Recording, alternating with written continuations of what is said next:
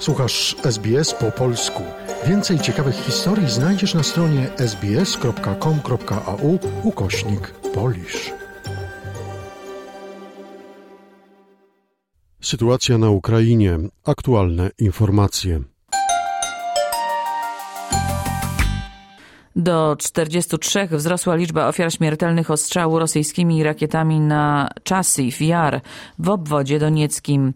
Wśród ofiar śmiertelnych jest dziecko, chłopiec w wieku około 9 lat.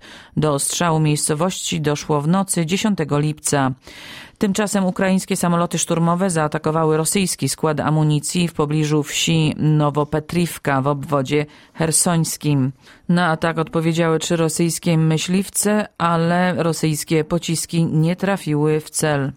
Zacieśnienie współpracy pomiędzy Polską a Ukrainą, zwłaszcza w zakresie obszaru militarnego, to najważniejsze zagadnienia, jakie omówił wicepremier Polski, minister obrony narodowej Mariusz Błaszczak z liderami sceny politycznej na Ukrainie.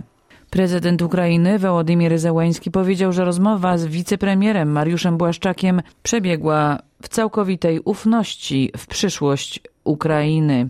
Polska jeszcze przed wojną na Ukrainie przekazywała Ukrainie sprzęt wojskowy. Po ataku Rosji na Ukrainę wsparcie militarne wzmocniono. Polska przekazała ukraińskim partnerom m.in. ponad 240 czołgów, armatochaubice, kraby oraz tysiące sztuk amunicji i uzbrojenia indywidualnego dla żołnierzy. Materiał opracowano na podstawie doniesień Newsroomu SBS oraz informacyjnej agencji radiowej.